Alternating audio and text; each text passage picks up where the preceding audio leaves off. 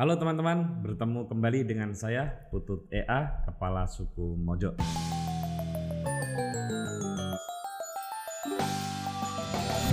Hari ini eh, saya kedatangan tamu adik kelas saya jauh ya, Jauh. Olive Hatim, Iya. bacanya Hatim. Hatim bacanya. Olive Hatim, eh, seorang pegiat literasi yang cukup menonjol di Jogja dan karena Jogja ini adalah kota pelajar, eh, kota kreatif, maka memang penting untuk didatangkan ke sini. Halo, Olive, Iya mas. gimana kabar? Baik alhamdulillah. Eh. Akhirnya bisa keluar lagi. Bisa keluar lagi ya, ya tetap dengan protokol. Iya protokol kesehatan. Olive, eh, masuk Fakultas Filsafat. Iya. Kok bisa? Ceritanya gimana? Ceritanya tuh sebetulnya eh, aku tuh dulu karena suka baca kan mas, suka baca suka nulis. Terus aku mikir kira-kira jurusan apa nih yang bisa tetap aku bisa baca bisa nulis tapi bisa kuliah juga. Terus aku mikir dua, satu sastra Indonesia, Oke, satunya filsafat. oke. Di situ aku daftar kan. Aku daftar itu ada jalur undangan, ada jalur eh, masuk SBM itu yang tertulis. Tadinya aku nggak kepikiran bisa masuk undangan karena ya udahlah nilaiku biasa-biasa aja gitu kan. Terus aku Undangan itu undangan itu ya? eh, Kalau- yang pakai nilai, pakai nilai aja. Oke. Heeh, jadi nggak perlu tes langsung masuk. Oh, Heeh. kalau zamanku namanya mungkin PMDK kali. Oh, ya. no, dulu masih PMDK ya. Sekarang Iya, udah iya. SNMPTN. Hmm. Mm, terus habis itu aku daftar undangan, aku mikir ya udahlah masukin aja filsafat. Jadi cuma filsafat UGM satu. Hmm. Tapi aku tetap fokus ke yang tertulis. Nah, oke. Nah, tertulis itu aku milihnya sastra Indonesia. Sorry, aku potong. Ah, Kamu di saat SMA itu sudah kenal istilah filsafat? udah, udah Wih, kenal. Kok bisa? Karena eh, aku tuh baca dunia Sofi sejak Kamu udah dulu baca Dunia Sofi? bacanya sejak SMA? SMP kelas 1. ya jadi dulu. Wih, gue macam apa? Dunia Aku baca juga. Oh, udah. Eh aku cerita dulu ya dunia Shopee ya. Dunia Shopee ini kalau tidak salah pas eraku itu terbit saat uh, terbit dalam bahasa Indonesia. Itu saat aku kuliah, masih kuliah. Dan itu diburu oleh banyak orang. Jadi oh, dan waktu itu karena mahal ya, aku mesti menabung dulu untuk membelinya. Bahkan kalau tidak salah sebelum membeli aku mesti meminjam buku itu eh, dari temanku yang sudah sanggup me- apa Beli. membeli buku itu dan ikut membacanya gitu. Dan kamu baca di usia kelas 1 SMP. Iya, itu Paham? 11 tahun. Enggak belum paham. Belum paham. tentu Tapi belum asik paham. sudah Tapi bisa asik, ah. mengikuti petualangan. Seru karena aku Iya, merasa eh. ini apa nih kok baru kan? Karena kan biasanya aku baca paling novel. Hmm. Terus yang ya sehari-hari lah. Terus pas aku ketemu itu aku bacanya diem-diem mas. Itu punya tanteku sebenarnya. Terus nggak boleh baca karena filsafat tuh katanya kamu belum ngerti, jadi nggak usah dibaca dulu. Terus Bisa aku gila loh nanti. Iya, dibilang kan kalau misalnya nggak paham nanti bisa malah pusing sendiri, terus malah ke mana-mana pikirannya. Ya aku digitu nambah penasaran dong. Oh ya. Akhirnya aku aku baca diem-diem. Itu yang terbitan eh, kayaknya masih cetakan awal tahun 2001 soalnya. Hmm. Eh, Mizan ya? Iya Mizan, Mizan, Mizan, tahun 2001. terus yang cover lama kan. Hmm. Habis itu aku baca kok seru dan dari situ baru mulai cari-cari filsafat. SMA ya tambah baca lagi yang yang lain-lain. Yang lain? Heeh. Misalnya? Eh, udah mulai aku mulai nonton YouTube-nya juga karena kan di YouTube juga banyak yang udah lebih eh, gampang ya Nah, apa sih penjelasannya. kalau YouTube? Di YouTube itu ada Philosophy Tube, terus ada School of Life juga. Eh, eh, jadi macam-macam. Nanti aku cari Terus ya. eh, kadang-kadang aku juga baca kuliah-kuliah online-nya yang yang di YouTube atau artikel-artikel di mana-mana. Terus akhirnya aku juga ke- terus ketemu sama eh, karyanya Mas Eka kan. Hmm. Terus aku Eka baca Kurniawan. Eka Kurniawan. Iya.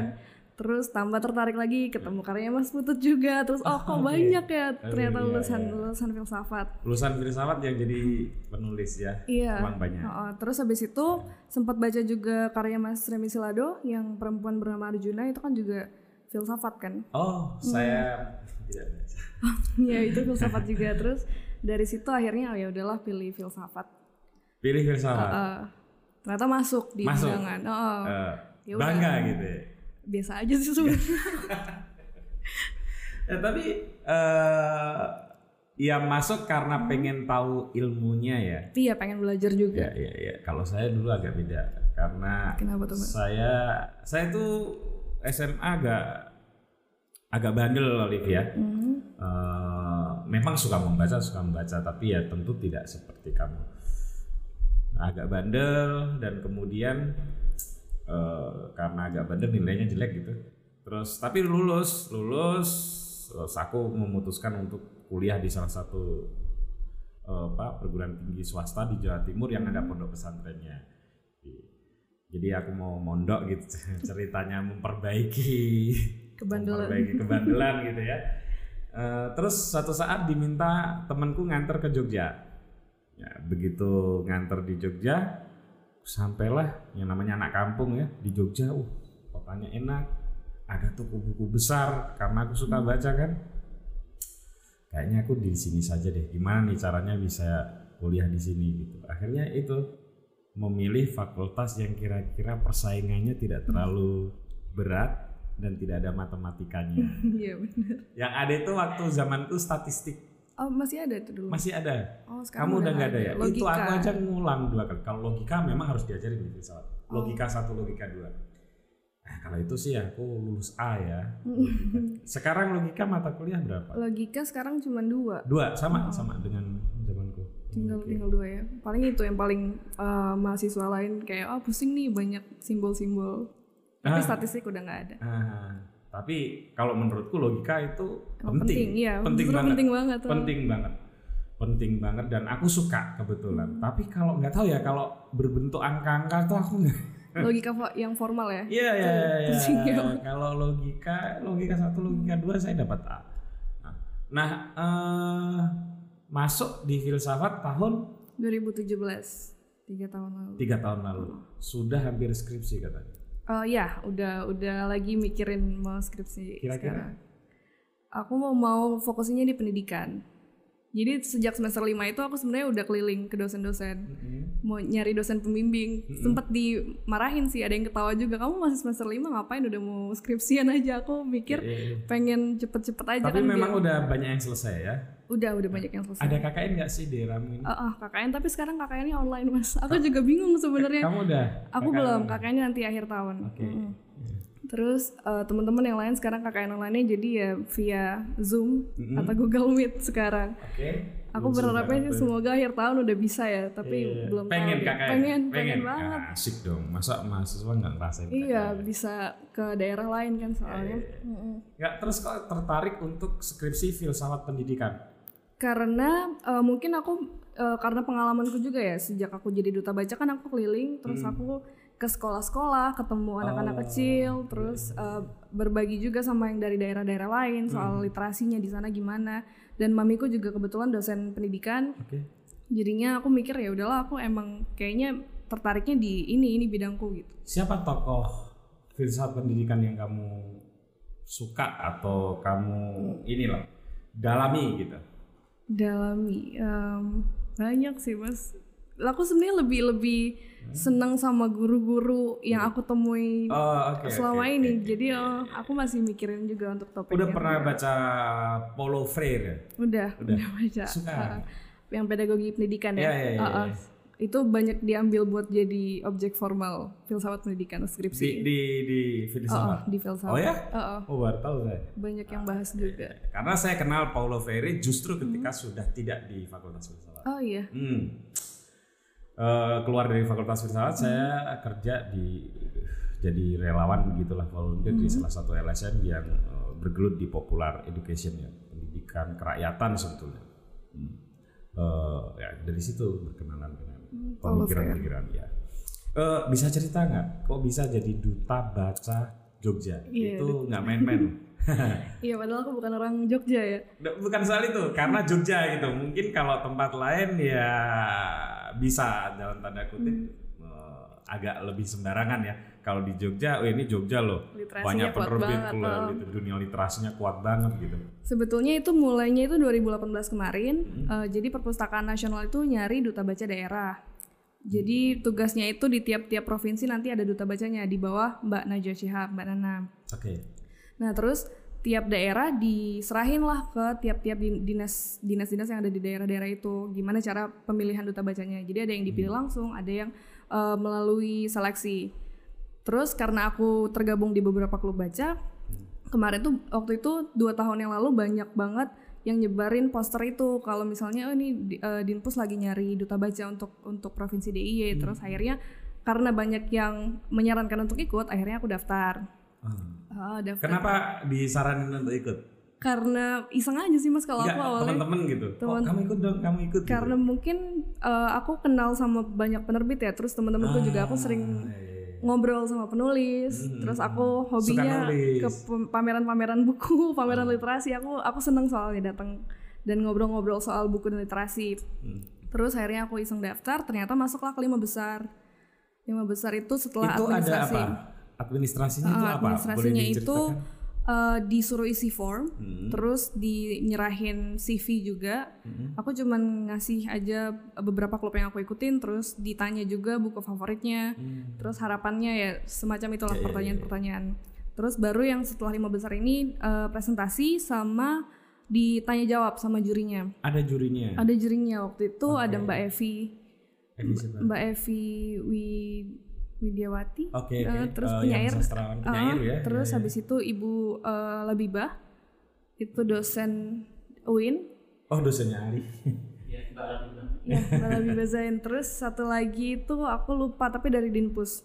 Oke. Oh, oh, Bapak itu dari Di Dinpus. tes. Di presentasi dulu. Apa yang kamu presentasikan? Presentasinya itu waktu itu eh, program yang kira-kira akan dilaksanakan oleh kalau misalnya terpilih jadi Oke. duta baca. Kamu apa? Aku waktu itu aku cuman bilang aku mau menjadikan diriku sebagai eh, penyambung dari seluruh eh, pelaku-pelaku yang ada di ekosistem perbukuan. Jadi dari penulis, perpustakaan, terus penerbit, dan aku juga ngasih tahu apa yang eh, yang aku tahu tentang eh, tiap-tiap pelaku-pelaku itu. Waktu itu aku sama ada Mbak Mutia Sukma juga, terus Sukma. istrinya Bang oh, Koto. mm, Iya, Mas Koto Penyair ya juga, apa? oh. Tahu saya. Eh, butuh kebutuhan N-nya itu apa? eh, jual buku sastra. Jual buku Eh, sastra jual ya. buku ya. sastra. Yes. Terus ada juga penulis waktu itu yang berlima itu pokoknya aku paling muda sendiri. Terus abis itu setelah presentasi eh, besoknya diumumin baru. Kamu Ternyata aku yang, terpilih? aku yang kepilih. Kira-kira tahu nggak kenapa kamu yang dipilih?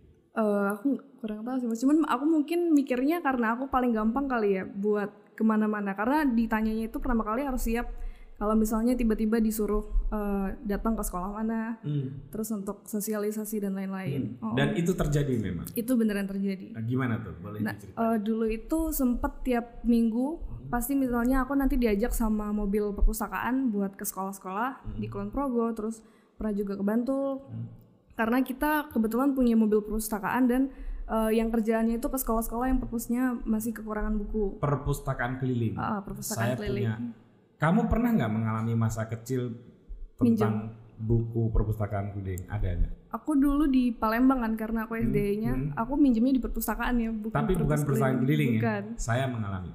Gimana tuh, Mas? Nah, jadi nggak tahu ya waktu itu di kecamatanku eh, 40 km bayangin 40 km dari Kabupaten Rembang.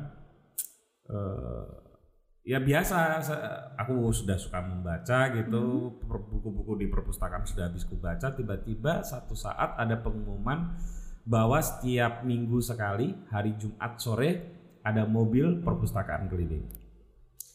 Dan bentuknya itu keren. Bentuknya itu mungkin mobil yang pertama ya namanya orang kampung ya. Jadi ada mobil agak bes- besar warnanya kalau nggak salah hijau atau biru gitu. Dan eh, sebetulnya di kampungku tidak terlalu banyak orang yang antusias dengan itu. Tapi ada lah mungkin 20-an anak ya yang suka membaca gitu. Ya udah setiap Jumat sore mungkin tapi nggak sampai lama ya. Mungkin hanya satu tahun gitu sudah Habis itu lenyap udah datang lenyap. lagi. iya dan itu menyedihkan dan itu pertama kali aku tahu ada buku lima sekawan Oh iya, Iya. oh, lima Nah, sekawan. lima sekawan Baca itu dari buku dari dari perpustakaan keliling Itu dari mana mas perpustakaan keliling? dari kabupaten jadi itu Oh, program pemerintah programnya ya? Program pemerintah tapi ya itu hanya sebentar mungkin Oh, satu ya. tahun Mm. Udah dan kalau kamu gimana ikut mobil itu Hmm, ikut mobil itu. Di Kulon Progo.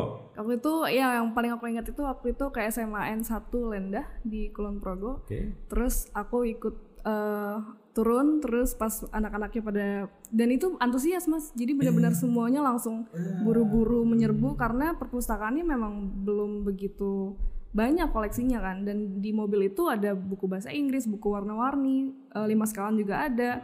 Dan pada mereka yang benar-benar langsung menyerbu dan aku kan ya sok sok kenal kan sok dekat Iya, gitu iya, kan iya, iya. kamu suka baca apa misalnya aku tanya terus nanti mereka cerita sukanya ini kira-kira Hmm. apa ya kak yang mirip mirip sama ini Oh, sam- sudah sampai segitu. Ah, ah, ya? udah sampai segitunya dan jadi aku juga kasih rekomendasi yang kira-kira bagus apa. Hmm. Dan aku senang sekali melakukan itu karena kayak punya teman sama pembaca kan. Iya, iya. Dan aku bisa kasih rekomendasi yang udah pernah aku baca, mereka juga langsung minjem habis itu. Nah. Terus nanti dua minggu kemudian nanti mobilnya balik lagi buat ditukar bukunya kan. Oh ya. Jadi biar terus mereka bisa, oh, oh, dua minggu ya. dua Tiap- minggu tiap sekali. dua minggu. Hanya di Kulon Progo. Di seluruh eh, tapi nggak semua sekolah. Enggak semua sekolah. Ah, memang. cuman- di Gunung cuman- Kidul ya kan? Gunung Kidul kayaknya ada juga. Ada. Tapi dipilih. Aku bing- nggak tahu milihnya gimana dari dinpusnya langsung. Tapi waktu itu kamu ikut juga. Eh, sempat sempat ikut. ah. Hmm. Selain itu kegiatannya apa? Selain itu eh, biasanya aku diminta jadi pembicara juga. Hmm. Terus misalnya dari Dinpus juga suka ada eh, melakukan kelas-kelas kepenulisan atau misalnya aku Hmm. diminta untuk menggalakkan literasi bahasanya mungkin kayak gitu. Ya, Diajak juga ke SMA-SMA yang perpustakaannya bagus. Kayak di Wonosari itu SMA-nya waktu itu menang perpustakaan se-Indonesia. Oh ya. Di- Dari Wonosari? Jogja itu dari Jogja itu sebetulnya kan di Perpusnas tiap tahun itu sebenarnya ada ini Mas ada semacam penganugerahan untuk eh, literasi dan macam-macam. Jadi ada perpustakaan desa yang paling baik, terus Ya. perpustakaan sekolah yang paling baik. Oke. Dari Jogja itu biasanya yang paling banyak menangnya. Baru tahu. Oh, oh, itu ternyata aku juga pas Oh ini penting nih teman-teman. itu penting banget Nah, ternyata iya, iya. aku pun pas pas ke waktu itu pas ke Jakarta kan tiap tahun acaranya Hah? dari daerah lain tuh langsung oh kamu dari Jogja ya Jogja itu keren banget loh tiap tahun Oh kalau keren sih memang keren. Iya, Cuman baru tahu kalau ada. kalau misalnya Ah, iya, itunya iya, iya. menang terus Ah, kan iya. Itu SMA.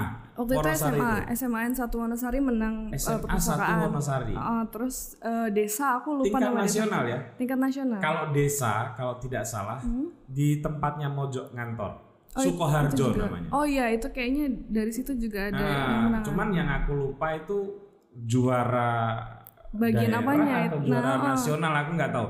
Tapi waktu Mojok mau ke sana itu kan kita diminta untuk lapor Hmm. ke biasa bukan diminta lapor ya. Eh, secara administratif Hmm. kita mesti lapor ke perangkat desa gitu. Begitu kita bilang ini kantor media, terus kepala desanya bilang, "Gua perpustakaan desa kami itu juara loh. Cuman saya lupa itu juara Hmm. nasional atau juara DIY gitu." kayaknya nasional Nasional. Nah, karena dari DIY itu. biasanya Hmm. langsung lagi ke nasional biasanya menang. Oh, oh. Terus TBM juga waktu itu dari Gunung Kidul. Aku lupa juga nama TBM TBM juga. TBM, itu Taman Baca Masyarakat. Bahasa ya? masyarakat. oh. Apa sih bedanya TBM dengan perpustakaan desa? Bisa? Perpustakaan desa biasanya kan dari desanya. Jadi Dari emang inisiatif. In- eh, dan biasanya dari pemerintah juga kasih anggaran kan untuk Oke, tiap-tiap desa. Jadi Sekarang udah inisiatif ada. dari pemerintah desa lah ya. Terus nanti desanya yang mengolah anggaran itu. Hmm. Kalau TBM itu biasanya sendiri Mas. Jadi dari komunitas Ya. atau misalnya dari sekumpulan orang-orang itu sendiri. Jadi misalnya saya atau Bagas atau Ali atau Bikin Aska eh, punya buku banyak di rumah, terus punya waktu senggang, bukunya ditata, Dikumpulin. dikumpulin, Oh, terus boleh orang-orang ah, Datang datang itu atau bisa dikategorikan sebagai TBM. Ya, ya, ya. Selain itu apa lagi kegiatan? Selain itu ya biasanya aku ngobrol-ngobrol sih sama sama penerbit terus Hmm. eh, sama penulis Eh, dan aku senangnya kak kebanyakan penerbit itu kan banyak buku yang misalnya eh, banyak stoknya mas. Nanti Ya. nanya ke aku juga waktu itu sempat terakhir eh, dari Gambang. Hmm. Jadi Mas Dito Penerbit Gambang ini maksudnya ya. penerbit Gambang tuh Mas Dito ngasih buku misalnya, Liv ini aku punya buku kira-kira bisa dikasih ke mana ya? Oke. Terus nanti Kamu baru aku yang menyalurkan ke perpustakaan atau misalnya ke TBM. Waduh. Kayak Ini gitu. jadi buat teman-teman yang punya TBM bisa kontak Olive tuh. Ada Twitternya, ada Instagramnya, jadi mudah dikontak. Iya bisa. Eh, menurutmu Olive, Hmm. Apa sih problem dunia literasi kita? dunia literasi secara Umum aja nih, dulu. secara Ya. umum di Indonesia ya. Hmm.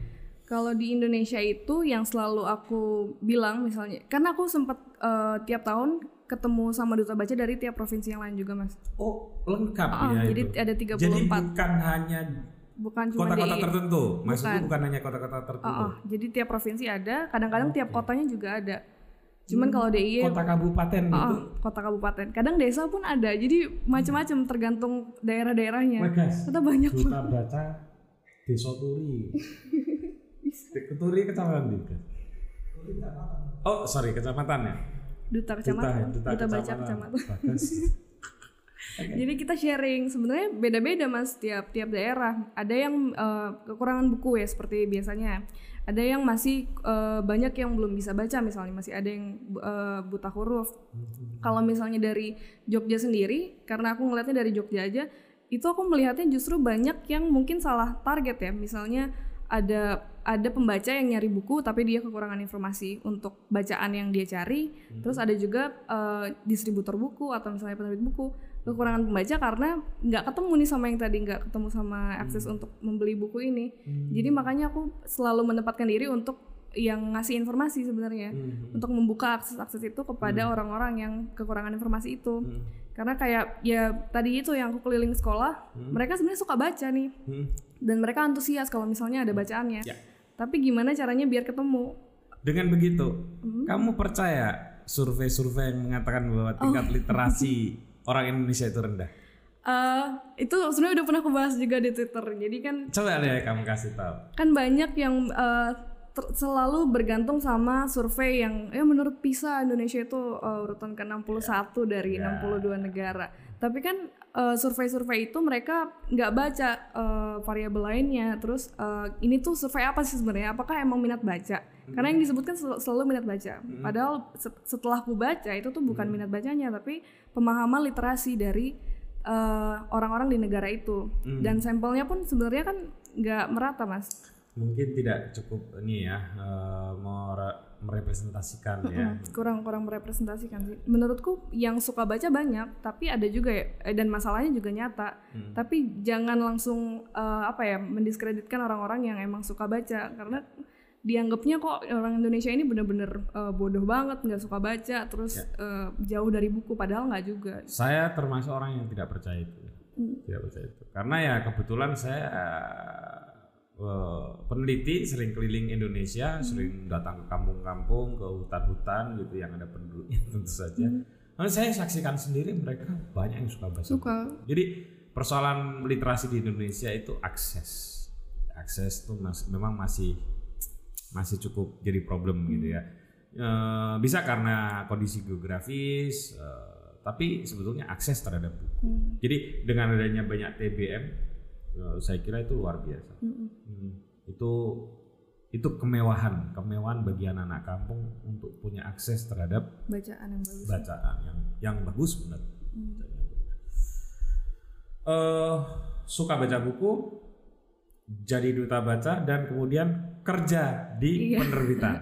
Gimana tuh? Kok bisa Kerja memutuskan kerja padahal masih kuliah ya? masih kuliah itu sebenarnya awalnya eh, aku diminta sih mas aku diminta sama Mas Tias Tiadi waktu itu aku dihubungi Oke. sama beliau eh, terus di- Sirka ya penerbit Iya Sirka penerbit Mas Sirka Tias Tiadi. itu ya. Sirka baru aktif lagi terus aku dihubungi beliau Liv aku lagi cari proofreader Hmm. kamu kira-kira Awalnya proofreader. awalnya proofreader iya, iya. karena aku suka baca dan Proofreader itu pemeriksa aksara. ya pemeriksa aksara Pemeriksa- karena aku suka baca dan nggak ganggu eh, jam kuliah aku anggapnya oh ya udah eh, kayak lagi ngerjain hobi terus dibayar gitu kan Oh ya. Terus eh, aku proofread itu pertama kali naskahnya Bang Nezar Patria Hah? da- eh, dari tesisnya kalau nggak salah terus sama Tesisnya? Tentang belum apa ya? terbit kayaknya Belum terbit sekarang, ya? Oke. tentang Aceh Menarik ya. waktu itu terus eh, bukunya Mbak Linda Kristanti yang Hikayat Kebo itu aku yang proofread Oh ya, diterbitkan ulang oleh Sirka Iya, ya. Oh itu. ya, itu salah Kayak satu kebo. Itu bagus kumpulan banget. cerpen yang bagus. kumpulan Linda itu oh, esai jurnalistik yang Ikayat Kebo itu saya jurnalistik. Sorry, Hmm. saya saya lupa. Bukan kumpulan cerpen. Saya jurnalistik. Oh. Eh, jurnalisme sastrawi. iya ya. jurnal- jurnalisme sastrawi itu aku suka banget Linda Kristanti adalah seorang sastrawan yang hebat, seorang jurnalis yang hebat. Hmm. Karya-karya jurnalistiknya itu ditulis dengan apa? ya, Cita cita rasa sastrawi. Jadi luar biasa, termasuk yang fenomenal Hikayat Kebo. Waktu itu dimuat pertama kali di majalah Pantau. Saya baca itu dan luar biasa. Sekarang lagi dicetak ulang ya. Mm-mm, waktu itu udah sejak 2018 kemarin mas. Di, Sudah terbit ya? Ah, dicetak Ah, ulangnya itu sama yang esai-esai yang lain juga. Hmm. Mm. Terus dari proofreader, kemudian di beberapa bulan kemudian ditanya, kamu kalau editor udah siap belum? Aku takut awalnya, karena aku merasa ini aku udah mampu belum? Karena kan aku cuma pembaca aja. Iya, iya. Terus ya udah coba dulu aja. Editor So, loh. Nanti kita akan sedikit ngobrol deh soal soal apa? editing ya. Soal ini nih, soal uh, profesi yang terselip di, Iya. di salah satu industri literasi menurutku sangat penting gitu. Penting. Penting banget. Kamu kalau nonton Mhm. film tentang penulis lah, tentang sastrawan lah, itu dari situ terlihat peran editor, Editor, betapa ya. pentingnya. Tapi di sini, ya gitu deh. iya iya iya. Tapi gimana tuh?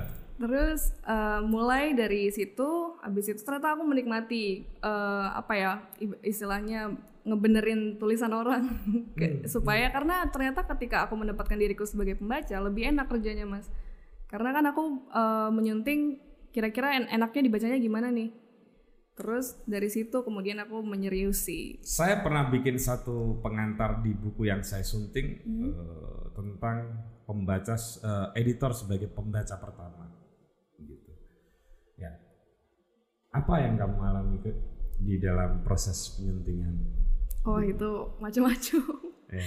Karena kalau awalnya itu aku pertama kali jadi ini kan mas editor terjemahan buku terjemahan itu masih Jadi dua ya. Kalau editor aku terjemahan bacanya itu dua. SOP-nya itu dua ya. dua. oh, oh. Baca ya yang diterjemahkan, yang sudah diterjemahkan Terjemahkan sama dan membaca yang bahasa Inggris. bahasa asalnya gitu. Oh, Karena kalau bahasa asalnya kan kadang-kadang dari versi yang Inggrisnya kan. Ya ya ya. ya. Terus eh, biasanya aku bikin dua dua jendela gitu Di Oh, komputer di- gitu. ya, di laptop. Oke, Jadi satu yang bahasa Inggris, gitu ya. satu yang bahasa Satu paragraf satu paragraf ya. Oh, oh, jadi biar bisa langsung dicocokin kan. Ini kira-kira bener nggak? Terus masuk akal nggak? Enak nggak dibaca? Oh, oh, ada yang pemilihan katanya kira-kira enak apa enggak? Hmm. Kayak gitu. Terus dari situ aku sempat juga ngedit eh, terjemahannya Mas Roni Agustinus. Oh ya. Oh, oh. Itu aku sebenarnya deg-degan karena kan Roni Mas Roni itu penerjemah salah satu penerjemah terbaik di Indonesia. Iya, betul. Tapi waktu itu yang diterjemahkan yang mana? eh, itu yang eh, pulau tak dikenal jadi cuman tipis sih Sorry, eh, dari bahasa dari nah aku deg-degan karena aku nggak bisa bahasa aslinya kan mas bahasa Spanyol kan itu Nah, biasanya Mas Roni langsung bahasa Spanyol. Nah, oh, oh. kamu nyocokinya bahasa, bahasa Inggris. Inggris, Oh, jadi aku sebenarnya sempat deg-degan siapa yang nerbitinnya? Sirka juga. Sirka Oh, juga. itu novela masuknya ke Sirka. Terus Hmm. habis itu tapi kata Mas Tia ya udah nggak apa-apa kamu dari bahasa Inggrisnya aja. Ya, ya, ya. Terus tapi untungnya setelah aku cuman sekali waktu itu revisinya terus pas aku serahkan ke Mas Tony yang aku revisi itu langsung oke. Terus aku langsung oh udah lega. Ternyata bisa terbit akhirnya. Dari situ baru kemudian masuk ke eh, fiksi Nah. yang eh, bukan terjemahan. Kalau terjemahan kan aku nggak perlu. Paling aku ngobrolnya sama penerjemahnya kan mas. Sama, Terus sama penerjemahnya. Mm, kalau yang fiksi kadang-kadang baru baru mulai pusingnya di situ karena Kenapa banyak tuh? banyak eh, revisi lagi terus banyak Saya juga- pernah secara profesional menjadi penyunting ya untuk membantu perekonomian seorang penulis yang nggak jelas gitu ya. eh dua tahun lebih lah. Dan hanya berani menyunting fiksi itu nggak lebih dari tiga buku. kenapa mas? Karena saya penulis ya, jadi terlalu cerewet pikiran saya. Dan saya takut terlalu banyak mengintervensi tulisan orang Oh, iya. sehingga karakter dia jadi hilang. Takutnya hilang ya. Iya, Jadi iya, iya. voice-nya kita ya. Iya, itu yang karena saya penulis Hmm. ya. Tapi kalau men, eh, apa karya-karya non fiksi saya suka, suka. Iya, Tentu dengan non-fiksi seluruh itu- kecapean yang kayak kata di kamu gambarin. Non fiksi aku sempat juga eh, itu filsafat kan, Eh, tapi terjemahan juga sih hitungannya. Hmm. Jadi lebih lebih gampang lah ya eh, prosesnya nggak. Paling aku eh, konfirmasi lagi, verifikasi lagi, baca-baca Ya. buku-buku pendukungnya. Nah kalau fiksi itu ya ternyata harus ngobrol banyak sama penulisnya. Aku harus masuk ke dunia penulisnya kan mas. Ini menarik. Terus Aku tuh nggak berani loh, bener. Itu tiga, mungkin dua kali Hmm. ya. Itu pun karena sangat terpaksa, sangat terpaksa gitu. jadi Gimana tuh? aku kan menulis juga sebetulnya mas. Ya, ya, ya. ya. Jadi sejak kecil itu aku biasa menulis juga. Sempat beberapa kali eh, Dan menulis fiksi juga. menulis fiksi juga. Itu berat banget. Di situ aku eh, pas awal-awal masa aku editing itu sempat ini sih eh, takut juga kalau karena aku lumayan ekstrim mas eh, editanku terakhir ini dari 155 halaman aku potong 70 halaman kalau nggak salah. Waduh. Tapi sekarang udah jadi. terima, terima. Sekarang udah jadi, bentar lagi udah udah udah mau terbit. Ah, iya. Akhirnya dan penulisnya mau terima. mau terima katanya itu aku percaya sama kamu Liv kata dia gitu. Eh, penyunting itu kalau udah berani mangkas banyak Banyak banget. itu berarti cukup pemberani dan butuh keberanian memang karena tidak Iya. banyak penulis yang mau menurunkan ego mereka bahwa Hmm, benar. profesi penyunting itu perlu dihargai dan pihak ketiga atau pihak kedua dari dirinya itu bisa memberikan masukan yang penting juga dan menurunkan ego itu tidak penting eh tidak mudah bagi seorang Iya. penulis. Betul. Aku nah sebelum yang aku pangkas 70 ini sebelumnya juga sempat ada yang puluhan halaman. Tapi aku kasih kasih argumennya. Hmm. Awalnya mungkin eh, kalau misalnya nggak dikasih argumen kenapa aku potong sebanyak itu kan ya nggak mungkin terima kan. Cuman aku jelasin kenapa ini dipotong. Jadi tiap tiap paragraf itu biasanya ada penjelasannya. Terus kalau di email itu aku wah banyak. Sorry sorry, kamu usia berapa? Aku 20 tahun ini. 20? Iya. 20 udah berani motong karya orang separohnya loh. Waduh, saya gak, gak mungkin berani. Tapi balik lagi kok mas, maksudnya setelah dipotong setengah itu kemudian kan akhirnya eh, sesuai target halaman Iya iya seperti iya. di awal. Tapi apa pun itu kamu berani membuat keputusan di usia yang sangat sangat sangat muda berhadapan dengan seorang penulis Hmm. sudah menulis bayangin sudah menulis seorang penulis itu kan menulis nggak mudah ya Iya. nggak mudah sudah menulis 170 halaman berapa 170 150 tadi. 150 halaman Terus Tiba-tiba kepotong 70 kamu potong halaman. menjadi 70 halaman di usia 20 tahun. luar biasa ya terus apa lagi Eh, tapi akhirnya untungnya menerima.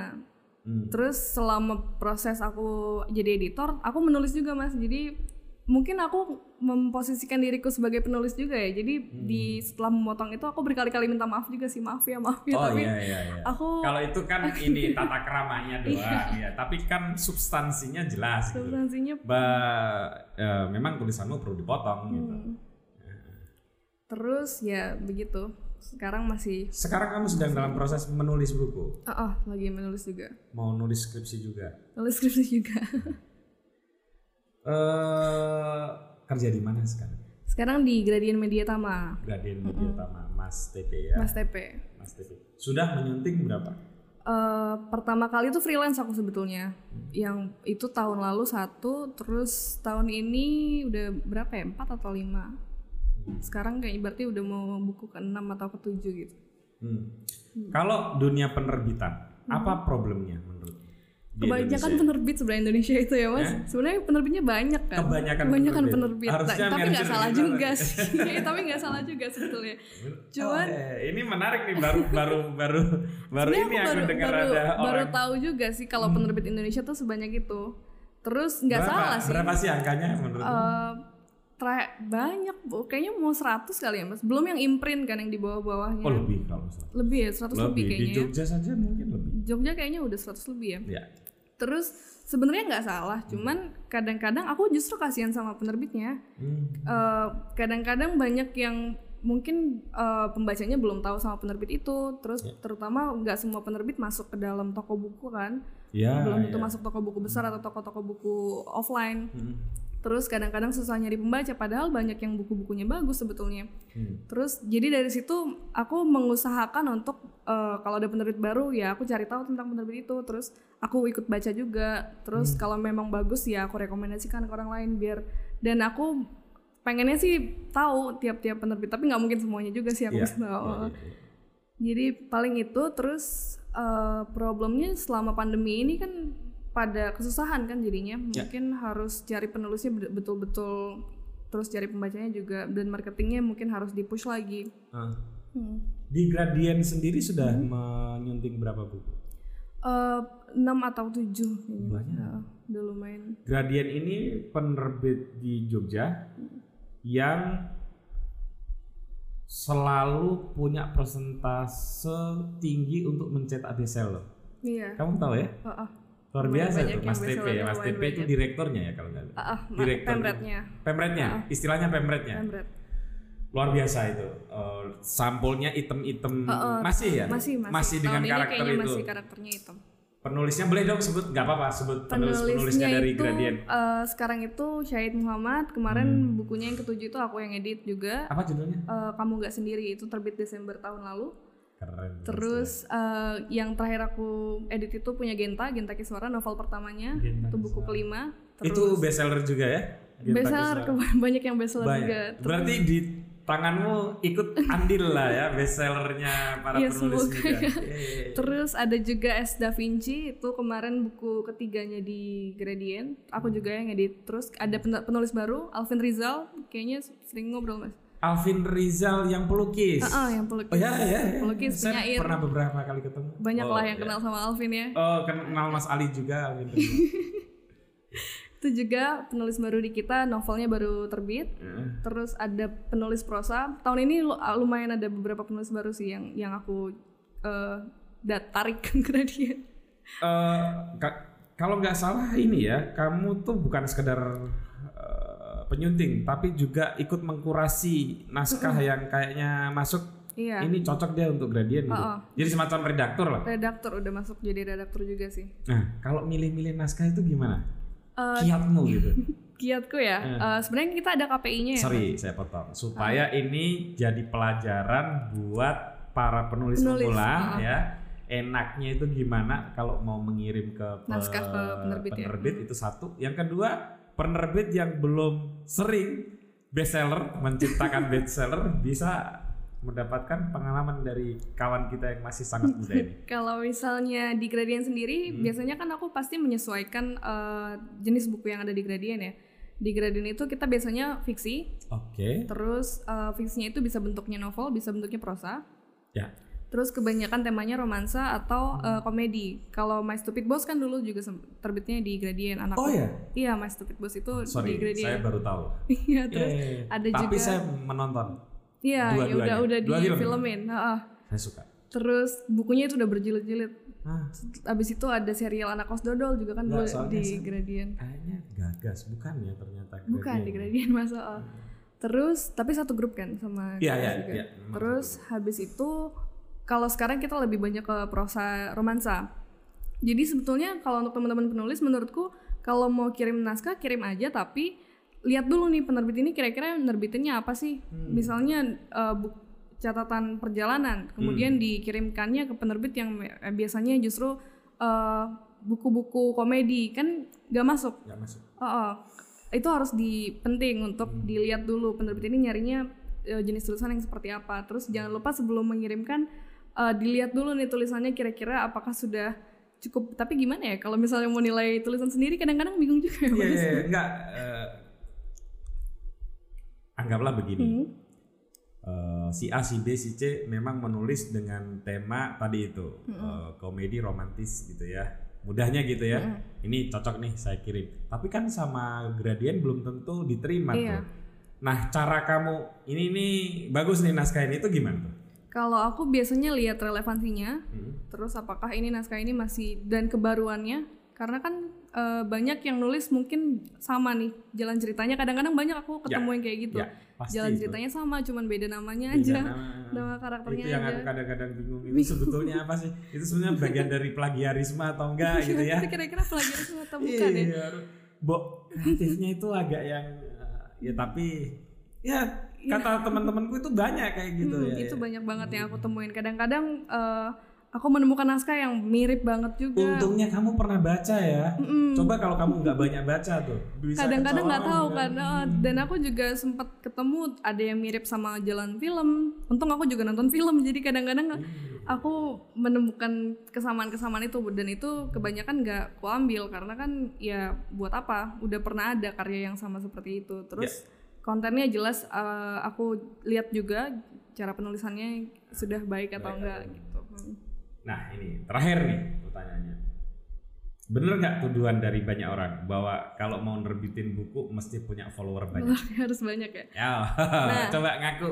Untuk ini sebenarnya kan tergantung penerbit ya mas. ya. Kadang-kadang memang ada yang melihat dulu sosok penulisnya itu gimana. Hmm. Di Gradient pun kadang-kadang kita lihat dulu nih kira-kira eh, penulisnya punya masa atau enggak. Dia sudah terbiasa karena kan eh, dia sudah terbiasa mempromosikan tulisannya sendiri atau enggak.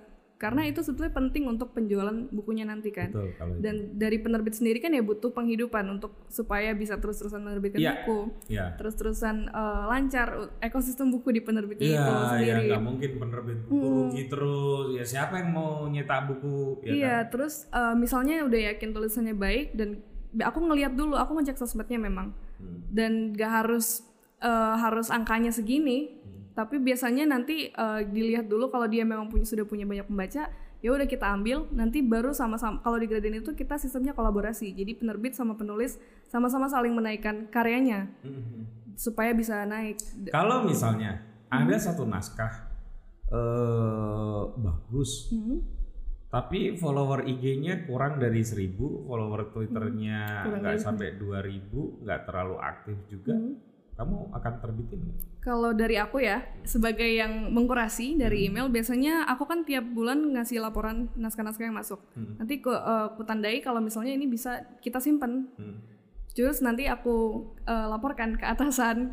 Tapi aku aku jujur biasanya mas. Jadi Kamu kalau biasanya akan dalam posisi membela penulis ini atau gimana tuh? aku mendorong supaya Tetap terbit. eh, supaya bisa terbit, bisa dapat kemungkinan untuk terbit. Ka- Artinya kamu sebagai seorang redaktur dalam konteks ini akan bertahan bahwa ini bagus nih, sekalipun dia memang nggak terlalu aktif di medsos harus tetap terbit dong, gitu ya? Aku biasanya objektifnya kayak gitu. Hmm. Terus kalau misalnya dari at- eh, aku beneran bersikuku untuk itu diterbitkan, biasanya kita menghubungi dulu ke penulisnya. Hmm. Menghubungi penulisnya nanti kita ngobrol, kira-kira kamu bisa nggak ikut mempromosikan juga tulisanmu. Ya, ya. Terus nanti kalau misalnya udah setuju, mungkin lebih lama terbitnya karena kita harus memunculkan sosoknya dulu. Terus baru nanti tulisannya ya tetap ada kemungkinan terbit kalau Karena kan gini, benar-benar bagus. sorry ya, Hmm? kalau ya ini kita buka-bukaan lah ya. Hmm. Kalau di dunia penerbitan buku, naskah buruk atau kurang bagus ya, nggak usah lah kita bilang buruk ya. Istilahnya naskah kurang bagus, tapi kalau engagement ke publiknya bagus, medsosnya bagus, cara berkomunikasinya bagus ke publik gitu ya. Eh, kasih editor yang mumpuni, Hmm. kualitasnya bisa, dinaikin. Iya, Saya tidak bisa bilang pasti bagus ya, tapi kualitasnya, kualitasnya bisa naik. dinaikin. ya. Tapi sebaliknya nih, penulis bagus, medsosnya nggak terlalu bagus, bagus kan, ya tetap harus diperjuangkan orang-orang seperti ini. Iya. Hmm. Biasanya aku tetap dorong. Terus kalau memang eh, nggak bisa di penerbit tempatku bekerja, aku kan kenal sama penerbit yang lain mas. Hmm. Aku kasih saran. Kalau misalnya dari kita nggak ada eh, kabar dalam tiga bulan, ya udah nggak apa-apa ditarik. Terus nanti aku kasih lagi saran untuk penerbit-penerbit lain yang kira-kira bisa menerbitkan. Ya. Tapi kalau saya boleh ngasih sarannya, eh, sebaiknya penulis zaman sekarang tuh punya medsos deh ya. Iya, penting Medsos sih udah penting sekali. Karena gini, saya punya penerbitan buku juga dengan teman-teman ya, tidak sendirian. eh hidup di ekosistem buku juga. Kadang sering dengar ada penerbit yang kesel sama penulis.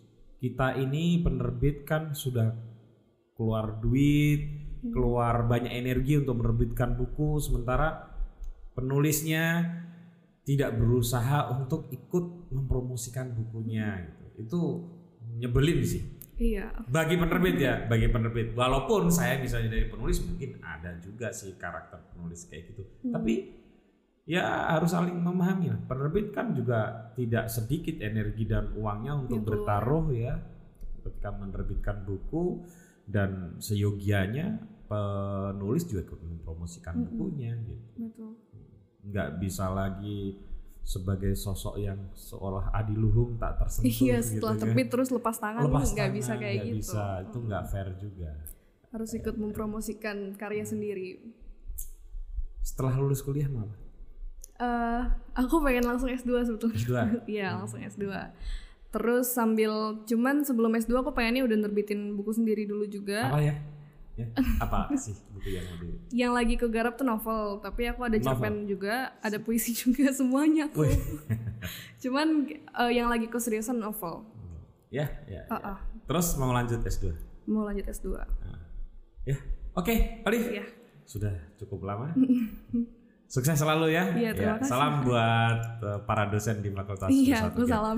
Oke, teman-teman, obrolan yang sangat menarik sekali dengan uh, muda banget 20 tahun dan tadi itu ya. Kita dengar pengalamannya dalam dunia literasi tidak pendek dan luar biasa. Berani menjadi penyunting penyunting itu. Nanti lain kali kita perdalam profesi itu karena di Indonesia ini butuh penyunting penyunting hebat.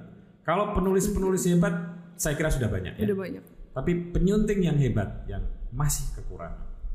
Terima kasih, sampai ketemu lagi di podcast saya selanjutnya dengan tamu juga yang luar biasa. Jangan berharap orang-orang terkenal di sini, tapi orang-orang yang berkualitas yang bisa duduk di